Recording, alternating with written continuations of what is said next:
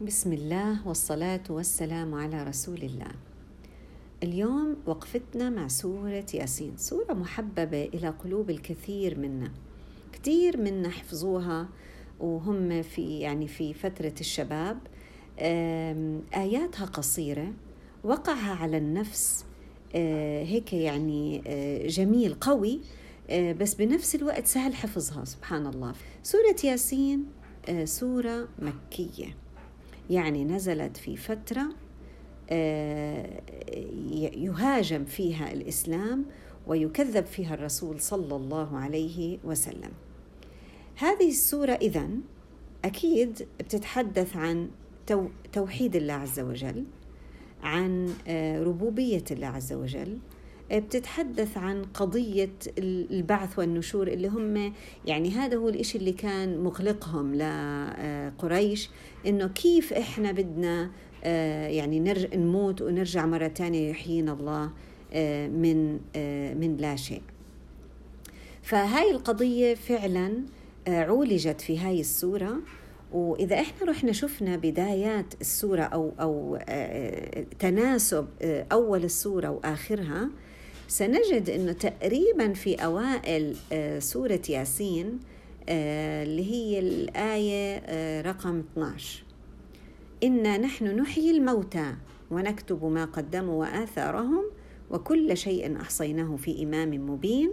وآخر السورة أيضا عن الإحياء قل يحييها الذي أنشأها أول مرة وهو بكل خلق عليم. وحتى تتمة السورة كلها.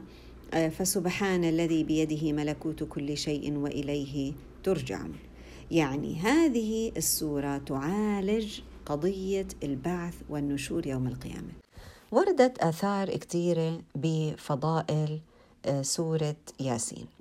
الحقيقة أنا بنصحكم قبل ما أنتم تنشروا هذه الأقوال ارجعوا لأقوال أهل العلم فيها لأنه فيها ضعف وفيها لغط كتير كتير. هلا يعني هل يا ترى أنا لما بدي أقول حديث عن الرسول صلى الله عليه وسلم وأعمل أي عمل بناء على حديث هيك باخذ أي حديث ولا لازم أتحقق؟ الحقيقة يجب أن يتحقق لأنه كثيرة يعني الأقوال اللي موجودة بأفضال سورة ياسين كثيرة مش حنقدر هلأ نقعد نفندها لكن أنا بنصح أنه قبل ما إحنا نعمل أي عمل يخص سورة ياسين نروح بنروح على آه، يعني نسأل أهل العلم آه، جوجل هلأ بيقدر يعني سهل لنا كل شيء بنقدر نروح نبحث إيش درجة صحة هذا الحديث. في الحقيقة آثار عن الصحابة وردت آه، بأفضال سورة ياسين. وهاي من يعني من آثار الصحابة بسموها موقوفة على الصحابة لا ترفع إلى الرسول صلى الله عليه وسلم. ما بنفع إحنا نيجي عشان حسن نية ولا عشان نشجع الناس إنهم يعملوا عبادة. نقوم إحنا ننشر أحاديث أو نعتمد في عبادتنا على أحاديث هي أصلا مش أحاديث. يعني ممكن تكون آثار من الصحابة أو ممكن تكون آه، يعني من خبرة ناس. هلأ حتى لو من خبرة الناس يعني ممكن حدا يجي يقول لك إنه أنا شوفي آه، ما قرأت ياسين أو أو أو آه، ياسين لما قرأت له طيب ممكن حدا جرب هذا الكلام؟ وقرأها فعلا فعلا فعلا بقلب فقام هو يعني سبحان الله آه، أثرت فيه. أو مثلا رب العالمين كان مقدر له قدر معين أو شيء معين. وفي ناس كان بدهم فعلا إشي وقرأوا ياسين وما زبطت معهم فهل هذا حديث هاي مثلا من الأحاديث الضعيفة هذا أو هذا هذا غلط. يعني أصلا ما له أصل مش حتى ضعيف يعني هو موضوع ما له أصل. صحيح هي أشياء انتشرت وإحنا تربينا عليها. بس خلاص آن الأوان إنه إحنا الحمد لله رب العالمين يعني نبحث قبل ما إحنا ننشر أي آه، عمل لا ينسب إلى الله سبحانه وتعالى وإلى رسوله صلى الله عليه وسلم. بدأت سورة ياسين بحرفين آه، متقطعين اللي هم الياء والسين. أيضا يعني هل هم اسم من أسماء الرسول صلى الله عليه وسلم؟ لا ليست من أسماء الرسول. طيب ليش في ناس توهموا إنها من أسماء الرسول؟ لأنه الله سبحانه وتعالى يقول إنك لمن المرسلين. يعني بدأ التفت في التفات. كان الخطاب أول شيء الله سبحانه وتعالى يقسم بالقرآن الحكيم. بعدين بدأ تغير الكلام وصار مخاطب يخاطب الرسول صلى الله عليه وسلم يقول إنك لمن المرسلين على صراط مستقيم. الصور اللي بتبدأ بالحروف المتقطعة. هاي الصور وجد العلماء إنه دائما فيها تعظيم لكتاب الله عز وجل. لاحظوا لاحظوا يا جماعة. يعني حتلاقوا لابد من الحديث عن آه، القرآن لأنه هاي الحروف المتقطعة هي إعجاز وتعجيز لمن يقرأ القرآن قد ما يكون عندك فصاحة لو شاطر جيب إيش؟ معنى لهاي الحروف المتقطعة. لكن إن شاء الله يوم القيامة لما نسأل الله عز وجل إيش كان معناها ربنا إن شاء الله رح يقولنا. ستبقى في يعني مبهمة ستبقى بعلم الغيب واستأثر فيها الله سبحانه وتعالى بعلم الغيب. لكن إحنا يعني بيبدأوا الناس يدوروا يشوفوا يعني إيش المواضيع المتعلقة في أو اللي بتأتي بعد أو يعني حوالين الحروف المتقطعة. ففعلا وجدوا إنه دائما في كلام عن القرآن الكريم. لأنها لأنه يقول بعض العلماء القرآن الكريم أصلا مركب من هذه الحروف. هاي شو هو القرآن الكريم؟ هو هذه الحروف مركبة مع بعض صار لها معنى. بس في بعض الأحيان لما تتركب بطريقة معينة يمكن ما يكون لها معنى عنا إحنا البشر إلا إنه عند الله سبحانه وتعالى لها معنى. آه، آه، ولأنها هي أصل القرآن الكريم آه، بنلاحظ إنه دائما يأتي الحديث عن فضل القرآن الكريم بعد ما تكون مذكورة هذه الحروف المقطعة. مثل هون مثلا ياسين والقرآن الحكيم. إنك لمن المرسلين بهذا القرآن طبعا على صراط مستقيم والذي هو هذا القرآن. يعني حتى بما يعني هلأ هاي سورة ياسين تتحدث عن البعث والنشور. طيب عشان أنا أنتهي بنهاية مشرقة لابد أن يكون لي إيش؟ آه سير آه وقصة مشرفة. بناء على إيش أنا بدي أمشي بهاي القصة؟ بدي أكتب قصتي بالحياة الدنيا. بناء على إيش؟ إيش اللي أنا بدي أعتمد عليه؟ هو هذا القرآن الكريم. لابد يا جماعة من اللي بده فعلا نهاية مشرقة لابد أن يعتمد وأن يتدبر وأن يطبق ما جاء في هذا القرآن الكريم اللي ربنا أنزله وأرسل الرسل حتى إيش؟ تبين لنا ما هو فيها ما, ما, ما يعني محتوى هذا الكتاب واللي أصله هو التوحيد. هلأ من مواضيع سورة ياسين اللي هي بنسميها مقاصد السورة. يعني في مواضيع فرعية تندرج تحت الموضوع الرئيسي اللي هو البعث والنشور. قسمها العلماء طبعا العلماء نظرتهم بتختلف. يعني في ناس مثلا بيقسموها لسبعة في ناس بيقسموها ثمانية في ناس بيقسموها لستة حسب هم كيف بينظروا لتدبرهم لمعاني المعاني الموجودة في الآيات. من بعض المواضيع والمقاصد اللي تصب في موضوع البعث والنشور هو أن الله سبحانه وتعالى يحصي للعباد أعمالهم. بنلاقيها آه، إنا نحن نحيي الموتى ونكتب ما قدموا وآثارهم وكل شيء أحصيناه في إمام مبين. يعني هاي آية من الآيات اللي أنا شخصياً بحب أحطها في كل عمل بعمله في حياتي. بحب إنه يكون هذا العمل له أثر. يعني إيش يعني أثر؟ يعني نحتسب أعمالنا لتكون صدقة جارية إلنا بعد بعد الممات. يعني أنا لما أموت يا جماعة مش حموت وخلص تنتهي حياتي. الإنسان الذكي اللي بترك الحياة الدنيا بس بيكون تارك له أعمال وآثار بتضل تمده بالأجر حتى بعد الموت. إيش معنى الحكي؟ يعني في ناس ممكن يموتوا من الحياة الدنيا لكن هم الحقيقة الحقيقة هم ما ماتوا هم عايشين. مش بس لأنه هم عايشين يعني انتقلوا للحياة الأخرى فهم عايشين في حياة أخرى. هم حتى بهاي الحياة بيكونوا عايشين معانا. في ناس تركوا لنا أشياء وتركوا لنا علم وتركوا لنا صدقات جارية. لحد الآن منترحم عليهم منحس إنه أرواحهم عايشة معانا رغم إنه أجسادهم ماتت من هذه الحياة فيا ترى يا إنسان هل أنت على وعي بهاي الشغلة؟ هل أنت يعني قالنا الرسول صلى الله عليه وسلم لما ندفن الميت آه، آه، إحنا بنحطه لكن يلحق هذا الميت ثلاث أشياء يعني بتسكر صحيفة أعماله من كل شيء. خلاص انتهى. يعني وقت العمل خلص. إلا ثلاث أشياء.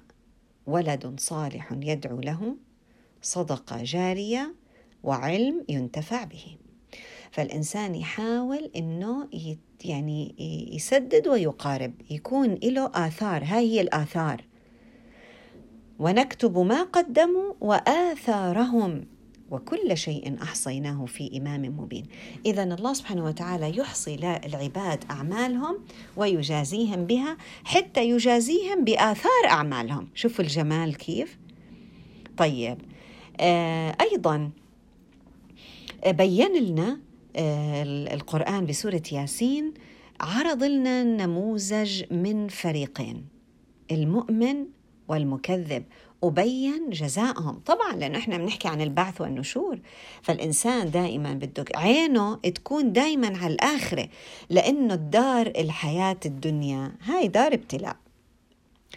أنا ابتلاءاتي يعني ما بين حت يعني ابتلاءات بالخير ابتلاءات بالشر. يا بصبر يا بشكر. واحد من التنين. فالإنسان قد يقصر الإنسان بيعمل أعمال يمكن يظلم نفسه ممكن يكون مقتصد ممكن يكون سابق بالخيرات أيا كان. مثل ما شفنا بسورة فاطر. أيا كان إن شاء الله يدخلون الجنة. لكن كيف؟ إمتى إذا كان فعلا دائما عينه على هالجنة. دائما عينه على الجزاء. لذلك دائما الله سبحانه وتعالى بيبين لنا الجزاء المؤمن والجزاء المكذب لأنه القرآن مثاني. مثاني يعني دائما في عنا إيش؟ أزواج أزواج. بتحدث عن الجنة لازم نتحدث عن النار. وأيضا هون آه، يعني بين لنا الله سبحانه وتعالى آه، وصف للناس اللي بيكونوا في هالغفلة. غفلة. هدول الغافلين آه، اللي هم لتنذر قوما ما أنذر آباؤهم فهم غافلون. صورهم القرآن على إنهم هم في أعناقهم كأنه جعل في أعناقهم أغلال. شو يعني أغلال؟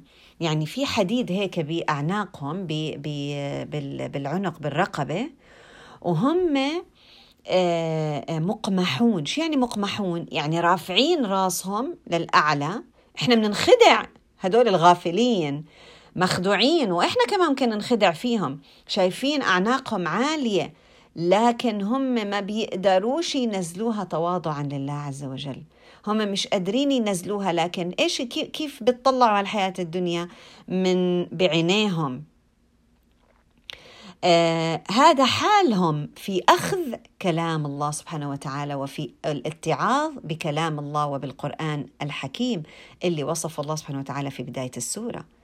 جعلنا من بين أيديهم سدا ومن خلفهم سدا فأغشيناهم فهم لا يبصرون.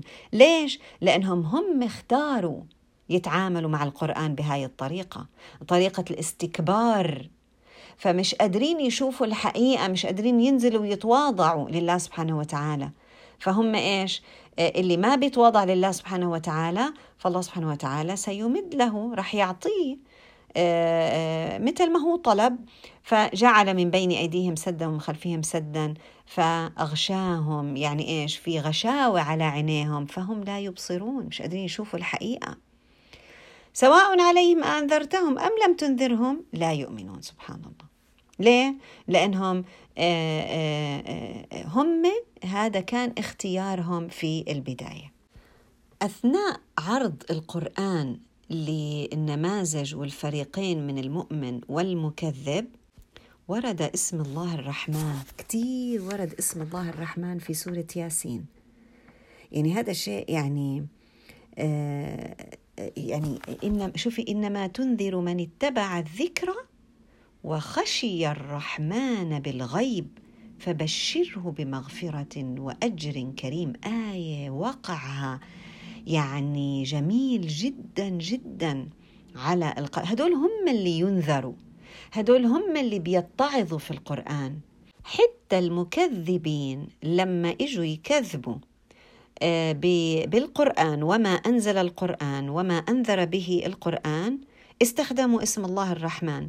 كأنه يعني إنه لا لا لا أكيد ربنا يعني رحمن. مش معقول يا جماعة إنه هالقد بده إيانا يعني نقعد نلتزم وهذا حرام وهذا حلال و... لا لا أكيد ربنا ما بده يتقل علينا. طبعا هذه خدع. هاي خدع آه الإنسان يخدع نفسه فيها. بس كيف استخدم الكلمة؟ قالوا ما أنتم إلا بشر مثلنا. وما هاي للرسل وما أنزل الرحمن من شيء إن أنتم إلا تكذبون. لا ربنا رحمن. إحنا هل يا ترى إحنا بنستخدم هاي العبارات مرات؟ يعني لو, لو نتوقف مع حالنا ونشوف إحنا هلأ في زمننا هل بنستخدم هاي العبارات مثل ما أهل القرية اللي تحدثت عنها سورة ياسين استخدموها اللي هي قرية إجاها ثلاث رسل ثلاث رسل وبرضه ما آمنوا وأنكروا عليهم وقالوا لهم ما أنزل الرحمن من شيء. إحنا بنلاحظ هذه التعبيرات موجودة إنه يا جماعة ربنا رحمن رحيم خلص ما تشددوا على حالكم زيادة عن اللزوم. وإحنا إيش؟ يعني مش لازم يعني تصلوا الخمس صلوات كلها ووضوء كمان لا يعني مو لهالدرجة. عرفتوا كيف؟ يعني في أشياء سبحان الله بنقعد ننكرها وهي عند الله شيء آه، لكن إحنا بنيجي من بعقلنا البشري وهيك بغواية الشيطان إنه ربنا يعني يعني رحمن رحيم يعني على هال مثلا آه، يعني زكاة يعني يعني ربنا يعني ماسككم بس على زكاة وكلها اثنين ونص يعني عشان هي أو مثلا على أشياء بسيطة يعني آه، ربنا بس هي عند الله شيء. هي عند الله شيء. يعني بيجوا ناس بقول لك يعني هو اللي حيحاسبكم يعني على شربة هال الكحول اللي شربتوها يعني مو لهالدرجة. ربكم رحمن رحيم. نفس نفس التعبيرات. نفس التعبيرات. قالوا ما أنتم إلا بشر مثلنا وما أنزل الرحمن. أوه هلأ تذكرتوا إنه هو رحمن؟ آه هلأ بنتذكر إنه رحمن. شايفين كيف؟ سبحان الله لكن آه في توقف رهيب يعني مع أصحاب هذه القرية. هلا هاي قرية الله سبحانه وتعالى أرسل لها ثلاث رسل وكذبوا الناس. لكن كان في فريق مؤمنين أكيد لا يخلو الوضع يعني من, من هذا الخير. بس في شيء حدث بدنا نتوقف عنده. مرتبطة كتير كتير كتير بيكتب الله آثارنا. مرتبطة كتير بالبعث والنشور اللي هي إيش؟ قصة هذا الرجل. وجاء من أقصى المدينة رجل يسعى. إجا إيش يعني يسعى؟ يسعى بيقول العلماء يعني إجا بسرعة. جاي في عنده هم معين بده ينقذكم بده يقول لكم.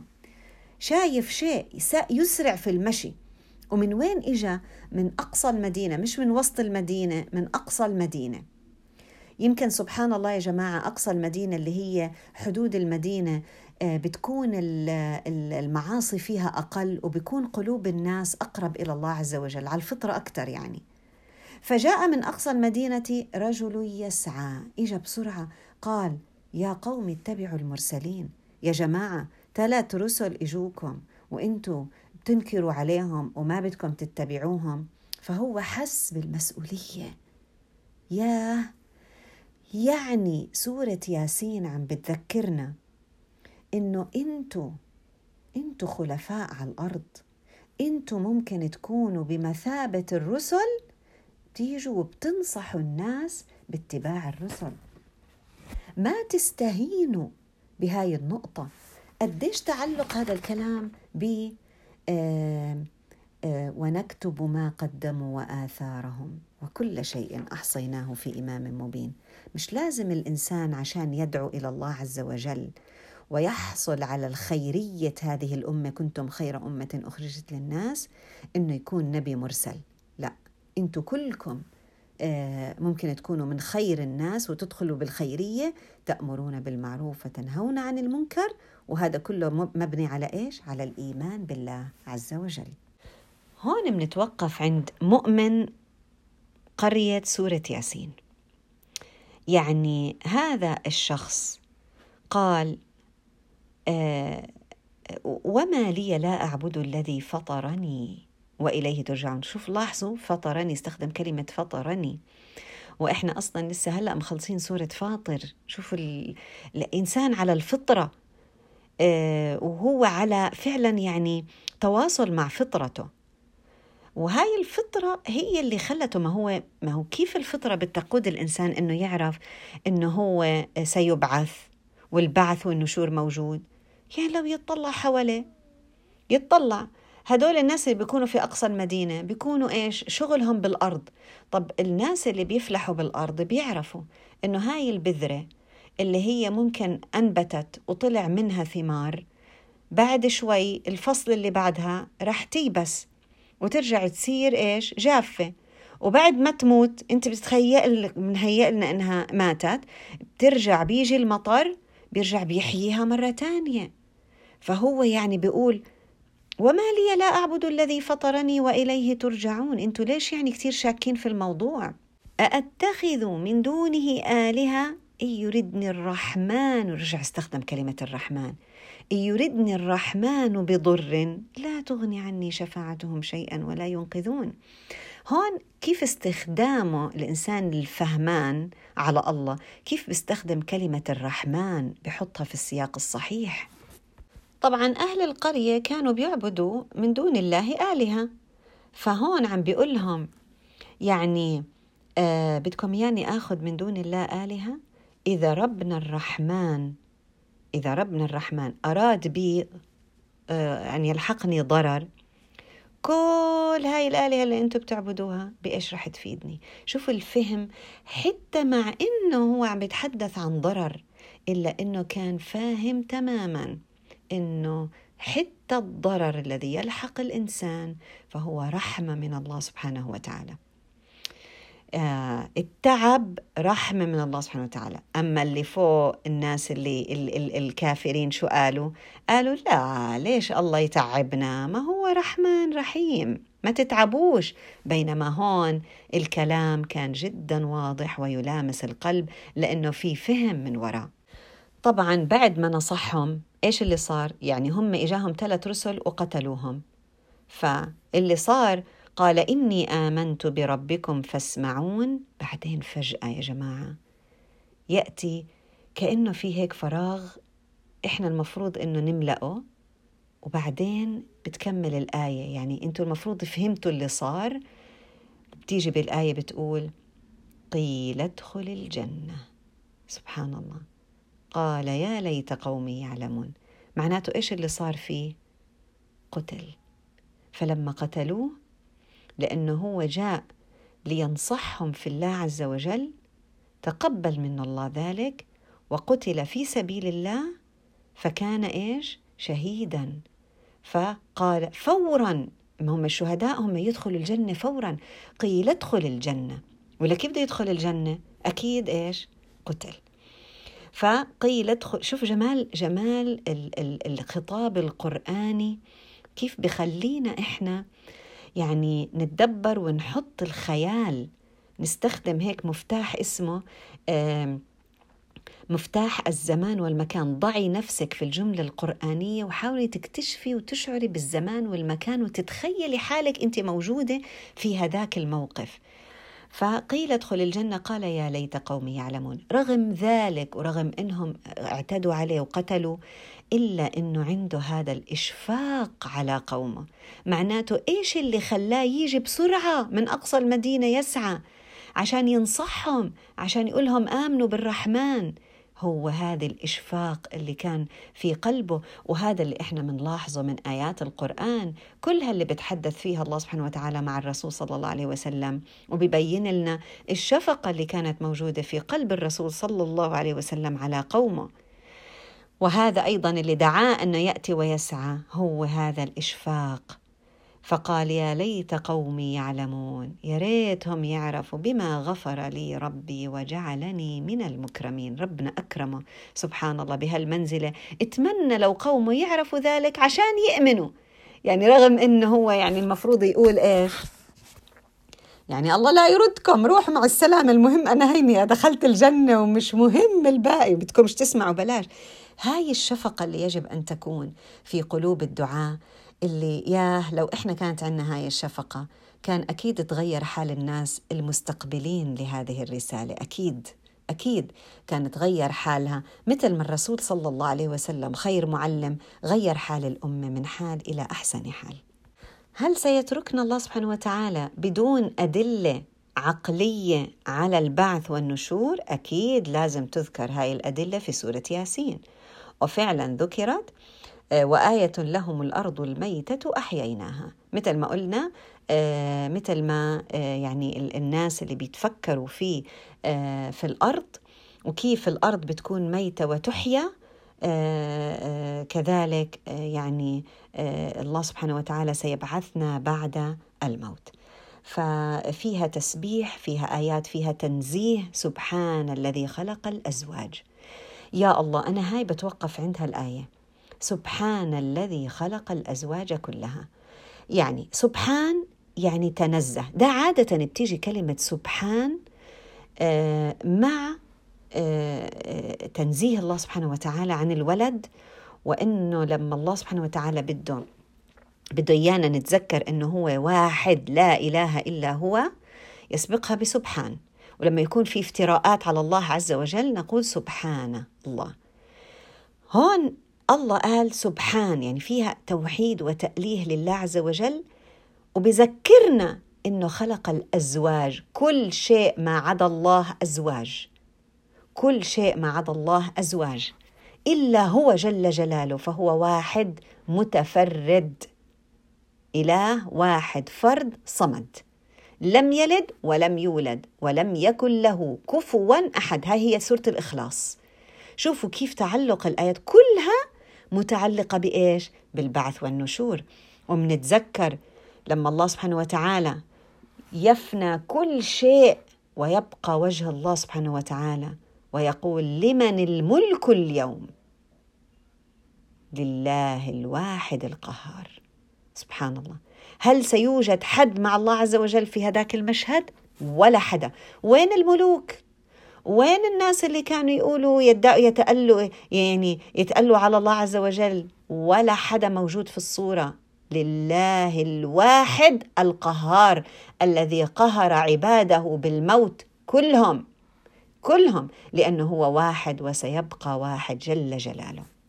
حتى الأدلة اللي هي وآية لهم الليل نسلخ منه النهار. يعني يا جماعة تفرجوا ليل كان عتمة بعدين طلع منها النهار. في عنا آه قمر وفي عنا شمس. يعني إيش؟ يعني ما هو برضو القمر يغيب عنا وبعدين بنرجع بنشوفه منور السماء. وبرضه بنشوفه منور بالليل والشمس بتنور بالنهار. و يعني سبحان الله والشمس بتغيب وبترجع بتيجي. فكل هاي الأشياء تدبروا فيها. كلها أدلة عقلية على البعث والنشور. و... وتدل على وحدانية الخالق وقدرته. سبحانه جل جلاله. لذلك آه، آه، ذكرت هذه الأمثلة. وكمان يا جماعة عشان ربنا يقولنا يعني ما تفكروا إنه لما إجا الليل يعني خلص انتهت ومش حيرجع يجي الصباح. ولما يجي الصباح ما ما يعني تركنوش على آه، إنه رح تضل الدنيا نهار ورح تضلكم آه، تشتغلوا وتعطوا. حيجي وقت لابد من أن يأتي الليل. يعني كأنه هالموت مرات الموت ما بيكونش هو نهاية المطاف. مرات بيكون الموت آه، هو حياة. ومرات بيكون الموت موت. خلص. يعني ندم. سبحان الله. ويقولون متى هذا الوعد إن كنتم صادقين؟ يعني لو الله سبحانه وتعالى بين لهم وقال لهم إمتى وحدد الوقت. هل راح يغير شيء من موقفهم؟ ما راح يغير شيء من موقفهم. فهؤلاء ناس يعني يعيشون الحياة موتى. والعياذ بالله. كمان يعني آه، آه، ورد شيء كتير خاص بسورة ياسين آه، بسموها مبينات سورة ياسين. يعني إيش؟ وردت كلمة مبين في سياقات مختلفة في سورة ياسين. ليش؟ لأنه يعني الأصل تبيين وتوضيح الأمور حتى الناس يكونوا ماشيين على هدى وتنتهي نهايتهم تكون نهاية مشرفة. آه، إيش هي الكلمات؟ مثلا البلاغ المبين. وفعلا شفنا شفنا كيف البلاغ المبين المبين الواضح الموجود في السورة. إمام مبين إنه تحصى الأعمال بأم الكتاب وهو الإمام المبين. الضلال المبين بين مين اللي بضلنا وكيف بيكون الإضلال؟ بين لنا العدو المبين بين لنا كيف أنه الإنسان يخلق من نطفة فإذا هو خصيم مبين ما يقعد يجادل آه، وينتبه من هاي الأشياء. وكل هاي الأشياء جاءت حتى توضح وتبين الصورة آه، للإنسان اللي ماشي في هذه الأرض حتى تكون حياته واضحة معتمدة على أشياء مبينة مبينة يعني تعينه إن شاء الله على أنه يستثمر في هذه الحياة حتى إيش؟ لما يذهب إلى الحياة الآخرة تكون آه، آه، إن شاء الله آه، حياة فيها فوز وفلاح بإذن الله عز وجل. كأنه هاي السورة بتعطينا بوصلة عشان وبتبين لنا وين الطريق علشان إحنا نعرف نحدد عدونا من من صديقنا من الطريق اللي بدنا نتخذه وكيف الحياة اللي إحنا بدنا نعيشها. نسأل الله سبحانه وتعالى أن يجعل هذا القرآن ربيعا لقلوبنا وجلاء لهمومنا وغمومنا وأن يوفقنا إلى تلاوته وفهمه وتدبره والتخلق به آناء الليل وأطراف النهار على النحو الذي يرضيه عنا. آمين.